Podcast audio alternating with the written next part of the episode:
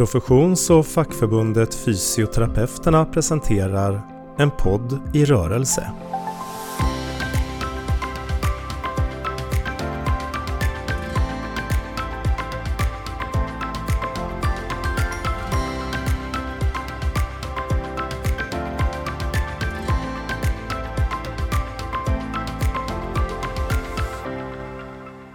Välkomna till en eh, podd i rörelse.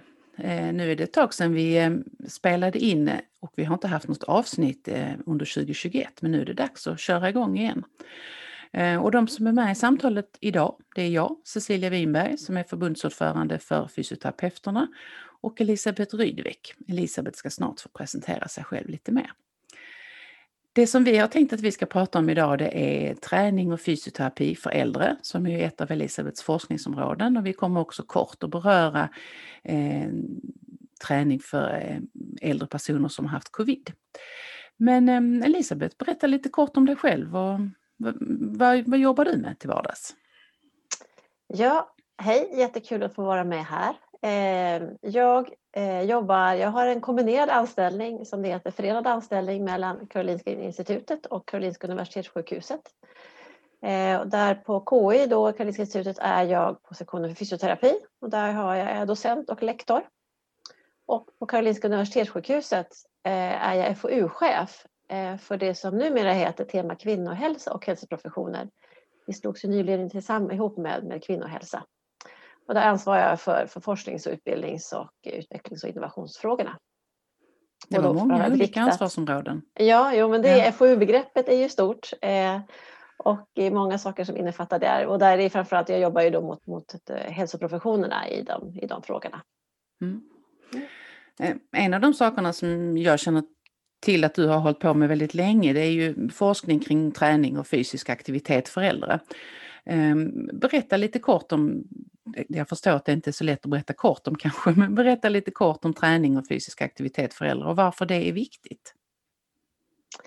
Eh, men det är otroligt viktigt för vi har ju sett flera studier som visar att är vi fysiskt aktiva och har vi en god funktion så kan vi faktiskt påverka vår överlevnad och våra, våra år i livet. Och åren i livet kan också bli bättre om vi har en god funktion och kan göra de saker vi vill i vår vardag. Så det påverkar också väldigt mycket vår våran, eh, våran livskvalitet. Mm, mm. Ja, när jag förberedde mig för det här så tittade jag på en presentation som du hade gjort på fysioterapi, eh, vår vetenskapliga konferens för något år sedan. Eh, och där pratade du just om eh, träning för äldre och du mm, hade byggt upp det lite grann kring att du pratade kring makronivå, meso och mikronivå. Jag tänkte vi kunde gå in lite mer på det för man, vi har ju alla ett ansvar men det ser lite olika ut beroende på var vi befinner oss någonstans.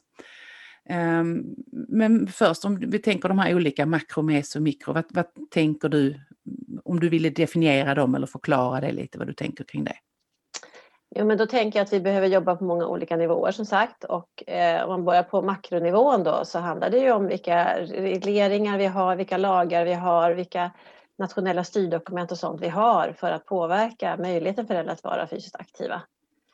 Eh, och på, på mesonivå så handlar det om hur vi organiserar vården inom, inom primärvård, inom, inom slutenvård, inom kommunal hälso och sjukvård. Eh, vilka prioriteringar vi gör för den här gruppen, vilka möjligheter det finns till rehabilitering. Eh, och så hur man organiserar sin, sin, sin, sin vård och rehabilitering helt enkelt på, på, då, på den nivån. och sen så handlar det ju om till syvende på, på, på in, individnivå så handlar det om hur jag som fysioterapeut använder mig av den kunskapen som finns och den evidens som finns och hur jag applicerar den i mitt arbete, i min vardag. Mm, mm. Och hur jag då, om jag inte tycker att jag har möjlighet till det, att jobba på det sättet som jag skulle vilja, hur kan jag då jobba för att påverka min arbetssituation och hur kan jag liksom anpassa den och göra bästa möjliga av den situation jag befinner mig i. Mm. Men om vi då tänker oss de här olika personerna som finns på de olika nivåerna, om låt säga att jag skulle vara en riksdagspolitiker eller jag skulle sitta på en myndighet med möjlighet att påverka makronivån. Vad, vad tänker du då är viktigt för mig att, att, att veta eh, när det gäller träning för äldre till exempel? Och vilka beslut tänker du är viktiga för mig att fatta ur ditt perspektiv? Ja, alltså det som är viktigt att veta är att vi har väldigt god evidens för att, att träning ger en bra effekt på fysisk funktion framför allt. Eh, och att, att, det också då i sin tur då kan leda till att vi faktiskt också förlänger vårt liv. Eh, för det har man sett eh, att den fysiska funktionen är eh, minst lika viktig, om inte viktigare, antal sjukdomar vi har när det handlar om vår överlevnad. Mm. Så det, och det är verkligen någonting som vi kan påverka med, med våra insatser som fysioterapeuter. Och det tycker jag är jätteviktigt att vi har med oss det. Eh, så det är den grundläggande kunskapen, basen vi har att stå på. Och sen kan man ju då jobba utifrån den kunskapsbasen på olika sätt. Och då tänker jag på den nivån så behandlar det ju om att eh, vi behöver gå, jag vet att jag nämnde då på fysioterapin att vi behöver gå från ett perspektiv där vi har jobbat väldigt kompensatoriskt i vårt upplägg i, i eh, när det gäller äldre personer och gå till ett mycket mera rehabiliterande förhållningssätt. Till exempel så, så när du blir äldre och börjar få en funktionsnedsättning, du kanske inte längre klarar dig helt själv i din vardag, du behöver någon typ av stöd. Då blir vi, då blir vi genast så sätter vi in bistånd och eh, kompenserar för den här funktionsnedsättningen istället för att se vad är orsaken till den och vad skulle vi kunna göra åt den för att kunna rehabilitera tillbaka till den nivån man hade innan. Mm, mm. Och där, där jobbar ju, till Danmark jobbar på ett helt annat sätt där än vad vi gör här i Sverige. Och där har vi den här uppbyggnaden av att man, man, man, ansöker om hemtjänst och då har man det systemet liksom, och hur man jobbar inom socialtjänsten med de frågorna. Där vi behöver jobba mycket mera med att få, upp ett annat, ja, få till ett annat tänk och en annan syn på eh, vad vi kan göra för de äldre helt, helt enkelt. Vad gör man i Danmark som skiljer sig från hur vi arbetar? Ja, där, jobbar, där, där, där kommer fysioterapeuter och arbetsterapeuter in väldigt tidigt i den här processen och gör bedömningar och ser vad man kan åtgärda. Eh, antingen med, med hjälpmedel eller med träning. Mm, mm. Eller både och. Mm. Jag funderar också lite eh, med anledning av det du säger kring prevention och förebyggande åtgärder. Eh, hur blir en sån här ledande fråga. Eh, men hur, hur, hur, tänker du kring det? Hur kan vi arbeta kring det? Om vi nu fortfarande befinner oss på, på makronivån. För jag, min uppfattning är att det ofta glöms bort kring mm. den här målgruppen som vi pratar om. Mm. mm. Och där finns det ju många länder som har en nationell plan för hur man ska jobba med det eh, för den här, för, för den här gruppen och det har inte vi i Sverige. Så det är också någonting som jag tänker att, att man skulle behöva ge uppdrag till exempel till Folkhälsomyndigheten. Mm. Att ta fram en plan för hur kan vi på olika nivåer jobba för att möjliggöra för äldre att vara fysiskt aktiva så länge som möjligt för att, för att förhindra eh, funktionsnedsättningar och behov, eh, beroende i sin vardag. Och det är ju, vi vet ju att gruppen äldre ökar, så det är en grupp som vi verkligen, och vi vet att, att pengarna inte räcker till allt vi skulle vilja göra. Och då behöver vi jobba väldigt mycket mer förebyggande eh, för att skjuta på den här perioden. Alla kom, vi kommer ju alla någon, någon gång dit här där vi behöver hjälp i vår vardag. Men om den perioden kan vara så kort som möjligt så har vi vunnit mycket både för individen och för samhället. Mm. Och det tycker jag är en viktig punkt. Du pratar om livslängd, men det handlar ju också om att liksom kunna leva det liv man vill så länge som möjligt. Mm. Eh, och att kunna vara så, så aktiv um, mm. som man önskar. Mm. Mm. Mm. Okej, okay, om vi förflyttar oss från makro till meso då. Eh, om vi tänker att meso är det här mellanlagret. Du pratade om regionpolitiker, vi kanske pratar om kommunpolitiker. Eh, vad är viktigt eh, vad är viktigt att veta där och vilka åtgärder tänker du att, vilka beslut skulle vara viktiga att fatta? Ja, på, på regional nivå och på sjukvårdsnivå så tänker jag det handlar mycket om, om eh, att vi ser jag brukar prata om det här med att man är, man är, in, man är, att man är inneliggande på sjukhus och då per se innebär att man ska ligga i en säng. Mm. Där behöver vi vara mycket mer eh, proaktiva i att fundera kring hur vi organiserar vår sjukvård, hur vi organiserar miljön vi har på sjukhusen, stimulera den till att vara fysiskt aktiv.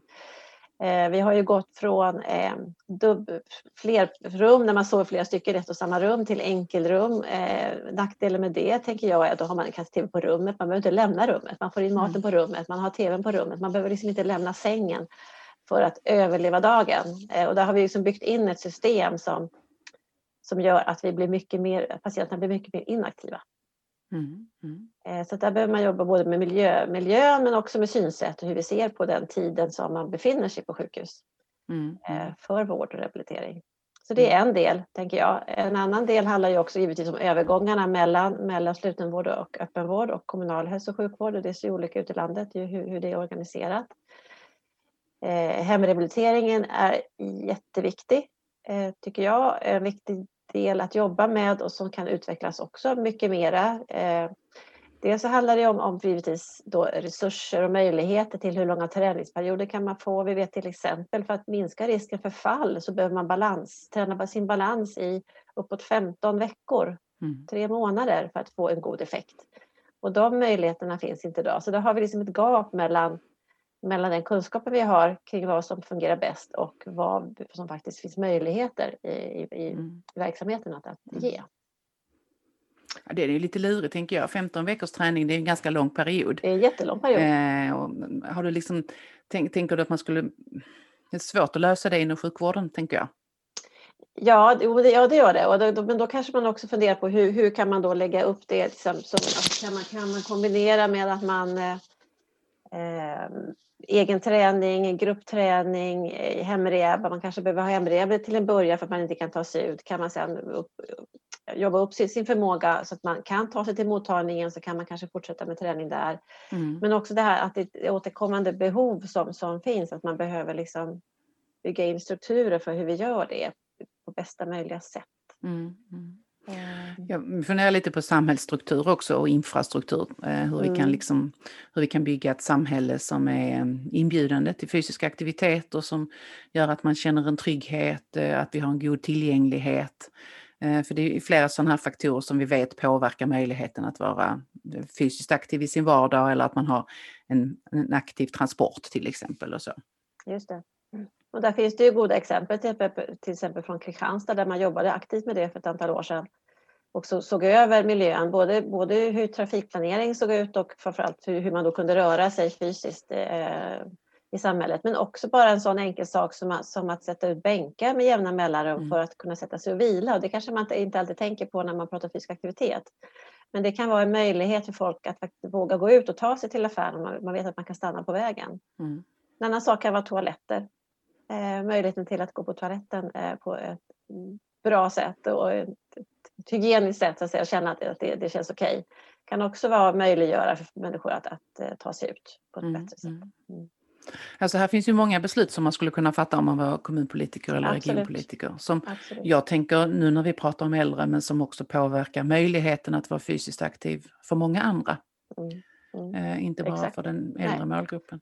Nej, och det såg man ju i Kristianstad att det var många som hade nytta av det. Till exempel föräldralediga som var hemma och skulle ta sig fram med barnvagn och annat. Så, så var det många andra som, som, som uppskattade de förändringarna som gjordes också. Mm, mm. Mm. Okej, då går vi från meso till mikro eh, och då tänker vi att jag kanske är en eh, fysioterapeut som jobbar på ett särskilt boende eller som jobbar inom kommunen på något an, inom något annat område eller så kanske jag är eh, ansvarig för ett särskilt boende.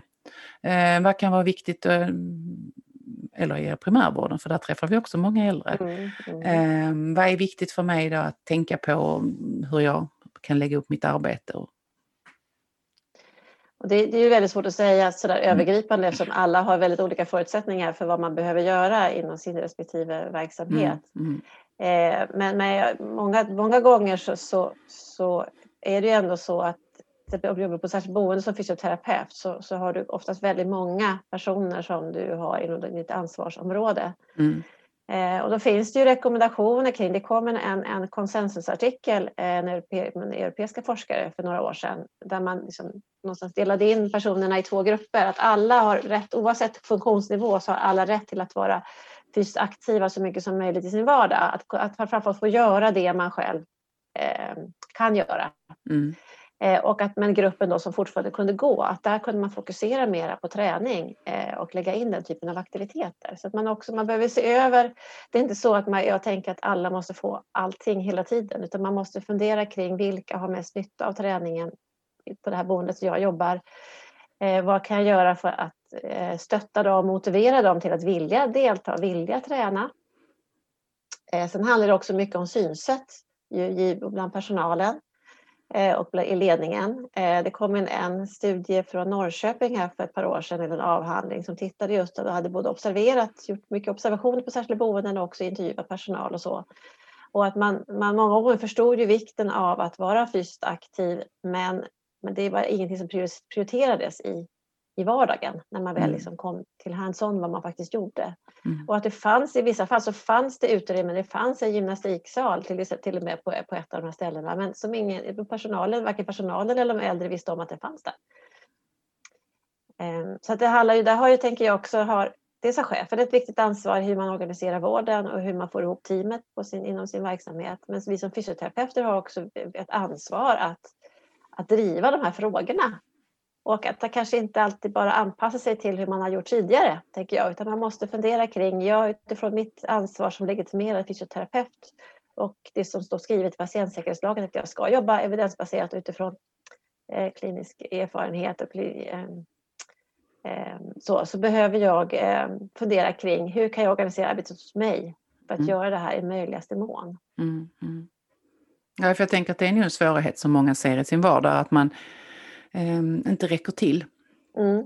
Mm. Utan att man har ett väldigt stort eh, ansvarsområde eller stort uppdrag mm. eh, som man kan vara ganska ensam i. Mm, mm. Och, det är så, och så är det, men det kan man hoppas att man åtminstone har stöd av närmsta kollegorna så att man kan fundera, att man har någon att bolla med och diskutera kring hur skulle vi kunna, kan vi göra på ett annorlunda sätt än vad vi gör idag? Mm. Eh, vad finns det att lära av andra? Vad finns det för kunskap som vi skulle kunna applicera på tillämpa i vår verksamhet på ett annat mm. sätt? Nu, nu, pratar vi också både om fysisk aktivitet och träning. Blir det, blir det ett problem att man har de här olika begreppen? Försvårar det diskussionen på något sätt, tycker du? Jag tycker att vi behöver hålla isär dem och veta när vi använder dem i vilka fall. Nu har vi blandat dem en hel del här. Mm. Eh, jag tänker ju att vi, eh, jag brukar alltid börja mina föreläsningar med att definiera de här två. Alltså mm. att fysisk aktivitet är någonting vi gör i vår vardag, allting och träning är någonting som är specifikt och där som jag tänker att vi som fysioterapeuter gör mest nytta. Mm. Men vi behöver också se till och ta ansvar för att, det finns en helhet och att personalen och teamet tar ansvar för den fysiska aktiviteten, den nivån. Där vi behöver, alla, vi behöver hjälpas åt. Eh, Medan vi som fysioterapeuter då kan ta ansvar för den mer specifika rehabiliteringen där då träningen är en viktig del. Mm, mm, precis. Ja, jag tänker också att det kan vara, det kan vara värde att, liksom, att ha en medvetenhet om att det är mm. olika saker. Absolut. Det handlar inte alltid om precis. att byta om och det handlar inte alltid om att gå till ett gym utan den här Nej. fysiska aktiviteten som du pratar som egentligen är all rörelse mm. eh, är ju också någonting som vi ser att det finns eh, nytta och en effekt av. Precis. precis. Ja. För några veckor sedan så var du med och ordnade ett seminarium kring äldre och covid ur ett europeiskt perspektiv, vilket var väldigt eh, intressant. Eh, det var flera forskare från olika delar av Europa som delade sina erfarenheter kring eh, vilka behov man har eh, av mm, efter att man har drabbats av covid som äldre då. Eh, och vi är ju alla väl medvetna om att covid är ett ganska nytt fenomen, även om vi har haft det med oss här nu under ett år. Eh, och att det finns eh, mycket kunskap kvar eh, och mycket kvar som vi behöver lära oss. Eh, men jag är ändå lite nyfiken på om du kunde dela med dig av något av det som, som sades på det här seminariet och lite kring vad du tog med dig därifrån. Mm seminariet var uppdelat i två delar. Första delen handlade just om, om, om eh, konsekvenser av covid kan man säga på, på fysisk funktion ur olika perspektiv. Eh, och inte så mycket kring vilken typ av rehabilitering vi kan ge, för det vet vi väldigt lite om än så länge. Eh, men däremot så, så, så, var det ändå samstämmigt, tänker jag utifrån de prestationerna som var. Det var i Belgien, Italien och sen från Sverige. Mm. Eh, att att vi kan, man, det, var, det var en väldigt påverkad på den fysiska funktionen och både, både kognitiven och den, den psykiska funktionen var ju väldigt nedsatt för många personer. Och den var ju ännu då mer nedsatt för, för äldre. Sen är det ju så att de här populationerna som man tittade på, grupperna som man tittade på i de här olika länderna är ju de som, som har legat inom intensivvården mm. eller mera eh, avancerad vård på sjukhusen och där är det ju betydligt färre äldre som har vårdats. Mm.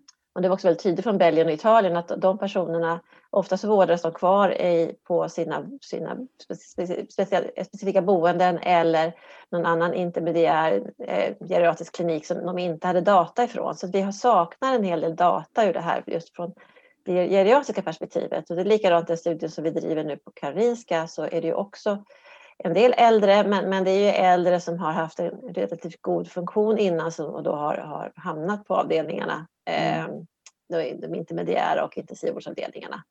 Sen har vi ju många i Stockholm som har vårdats inom geriatriken eh, för covid-19.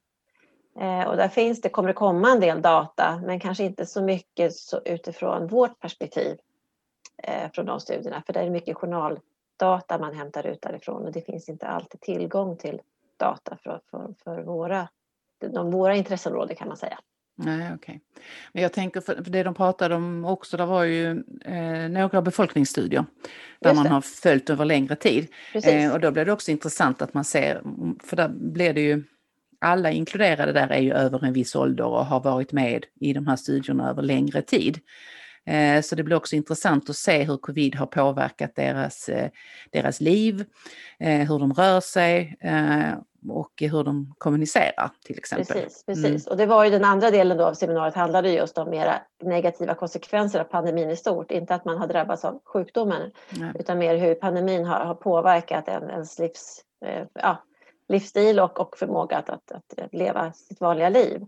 Och där tyckte jag ändå att det var, även om man kunde se att den fysiska aktiviteten hade minskat så hade den ju ändå inte minskat kanske till den graden som jag hade befarat att den skulle göra. Jag tror det var ändå 70 procent i båda studierna som hade bibehållit sin Mm. fysiska aktivitetsnivå. Eh, vilket var ju positivt ändå. Mm. Eh, då, så, så där har vi ändå för de här 30 procenten som, som man behöver då fundera kring. Hur kan man liksom stötta dem? Hur kan man hjälpa dem på olika sätt att, att återvinna sin, sin tidigare eh, aktivitetsnivå? Mm, mm. Eh, men det var ju ändå en, en positiv, eh, tyckte jag. Det hade kunnat vara värre. Ja, ja, jag blev också så. förvånad över det när jag Ja. såg det. Eh, och sen så reflekterade jag också över eh, närheten, relationer och hur man träffar sina anhöriga och sina vänner. Att, det. det hade inte heller minskat i den utsträckningen som jag Nej. hade förväntat mig. Nej, nej. Däremot så sågs man kanske på ett annat sätt. Ja, Men man upplevde precis. inte att det hade minskat. Nej, nej. Så det är intressant. Mm, precis. Men, men eh, bara för att hänga på lite det du sa, man pratar ju ofta om rekommendationer för fysisk aktivitet och att man ska röra på sig ett visst antal minuter. Och hur, eh, hur ser siffrorna ut för den äldre gruppen i Sverige eh, till att leva upp till de här rekommendationerna? Ja, det har inga ungefär. färska siffror på faktiskt. Eh, de senaste siffrorna så, som jag såg, och de har några år på nacken. Det här var en, en studie som gjordes mellan, eh, från 2015 är den. Mm. Eh, och då är det andelen i befolkningen mellan 65 och 75 år som motionerar på veckobasis. Så det svarar ju inte, inte kanske upp specifikt mot rekommendationerna.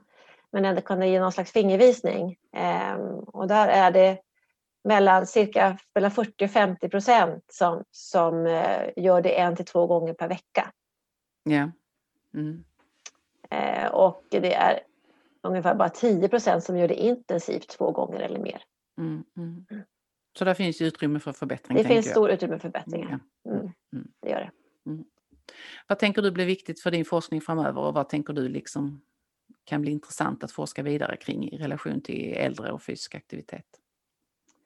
Dels så har jag givit mig in lite på ett nytt spår eh, där jag nu har en doktorand som håller, ska titta på effekter av preoperativ träning för äldre inför cancer, bukcancerkirurgi. Mm. Och där har vi gjort en del förstudier med en tidigare doktorand som, som har tittat på riskfaktorer för, för komplikationer, postoperativa komplikationer hos äldre.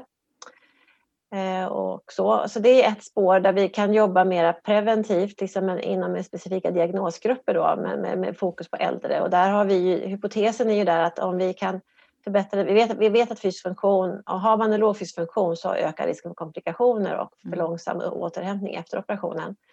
Eh, och kan vi då förbättra den fysiska funktionen innan operationen så man ut, alltså utgår från ett bättre utgångsläge. Alla dippar i samband med operation men om man har ett bättre utgångsläge så dippar man kanske inte lika mycket och framförallt inte under tröskeln till beroende.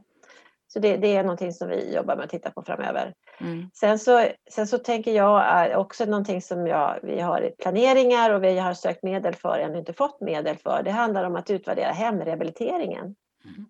Berätta lite mer om vad innebär hemrehabilitering?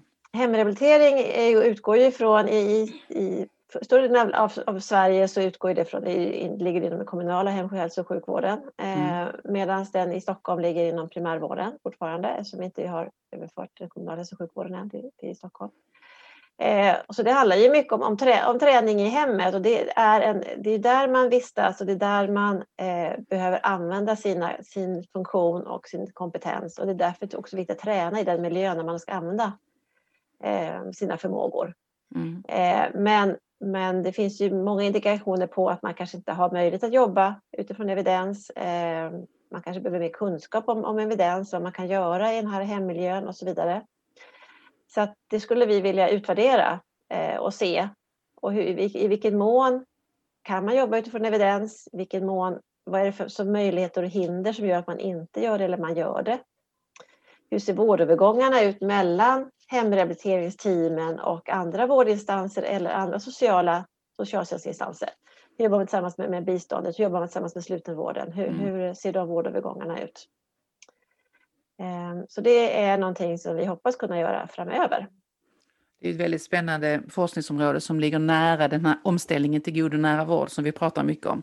Eh, samverkan mellan olika huvudmän och mm. att kunna få den vård, rehabilitering i hemmet nära sig själv. Så jättespännande. Mm. Mm. Tänker ni er några speciella patientgrupper? Ja, det är de som skrivs in i hemrehabiliteringen. Oftast är det en multisjukör äldre person, eh, så det är inte specifika diagnosgrupper utan det är ofta en, en, ja, en mer multisjukör person. Mm, mm. Ja, det ser ganska olika ut mellan, mellan regionerna hur det, just kring hemrehabiliteringen. Ja, och då uh, tänker jag inte specifikt alltså kring neurolog, alltså de här specifika grupperna utan mer de här som, som är mer eh, ja, olika typer av problematik. Mm, mm. mm. mm. Men, men om vi vidgar det lite, om vi nu spanar mm. brett. Eh, liksom om du skulle få göra vilken forskning som helst eller vad som skulle vara, om vi inte bryr oss om finansiärerna för en liten stund. Eh, vad tror du skulle liksom vara viktigt om vi ser med utgångspunkt från den äldre populationen, vad är viktigt att vi lär oss mer om? Alltså egentligen har vi väldigt mycket kunskap. Mm. Det är ju det. Eh, så att egentligen så, så ska vi påverka samhälls, på samhällsnivå eller påverka liksom vad som faktiskt sker så handlar det mycket mer om implementering av den kunskapen vi har idag. Mm. Vi vet väldigt mycket om vad vi kan göra. Mm. Eh, så det handlar mycket mer, tänker jag, om synsätt och, och, och eh, makro och mesionivån är väldigt viktig. Sen är ju alltså, mikronivån är viktig utifrån hur jag som fysioterapeut jobbar i min vardag och vad jag kan göra utifrån den kontexten jag befinner mig i. Men, men vi har väldigt mycket kunskap så det, det, det, är, eh, vi behöver få ut den och mm. att den är applicerad och tillämpad. Mm. Mm. Eh, och där kan vi bidra väldigt mycket, tänker jag, till kommande samhällsutmaningar. Jag, jag tänker egentligen att det, behöver, det handlar dels om att få ut den men det handlar också om att ta emot den. Ja, eh, jo, att liksom ja, vilja ja, använda jo, den här kunskapen som finns. Ja men precis, att tillämpa den, applicera den. Mm, mm. Mm. Så det ligger både på avsändare och mottagare på något sätt. Ja det mm. gör det. det, gör det. Mm, mm. Ja, det är intressant. Det är alltid intressant när, det, när vi har områden där vi vet väldigt mycket. Och så blir man, men varför? Vad är det som gör att vi inte tar nästa steg och börjar använda den här forskningen?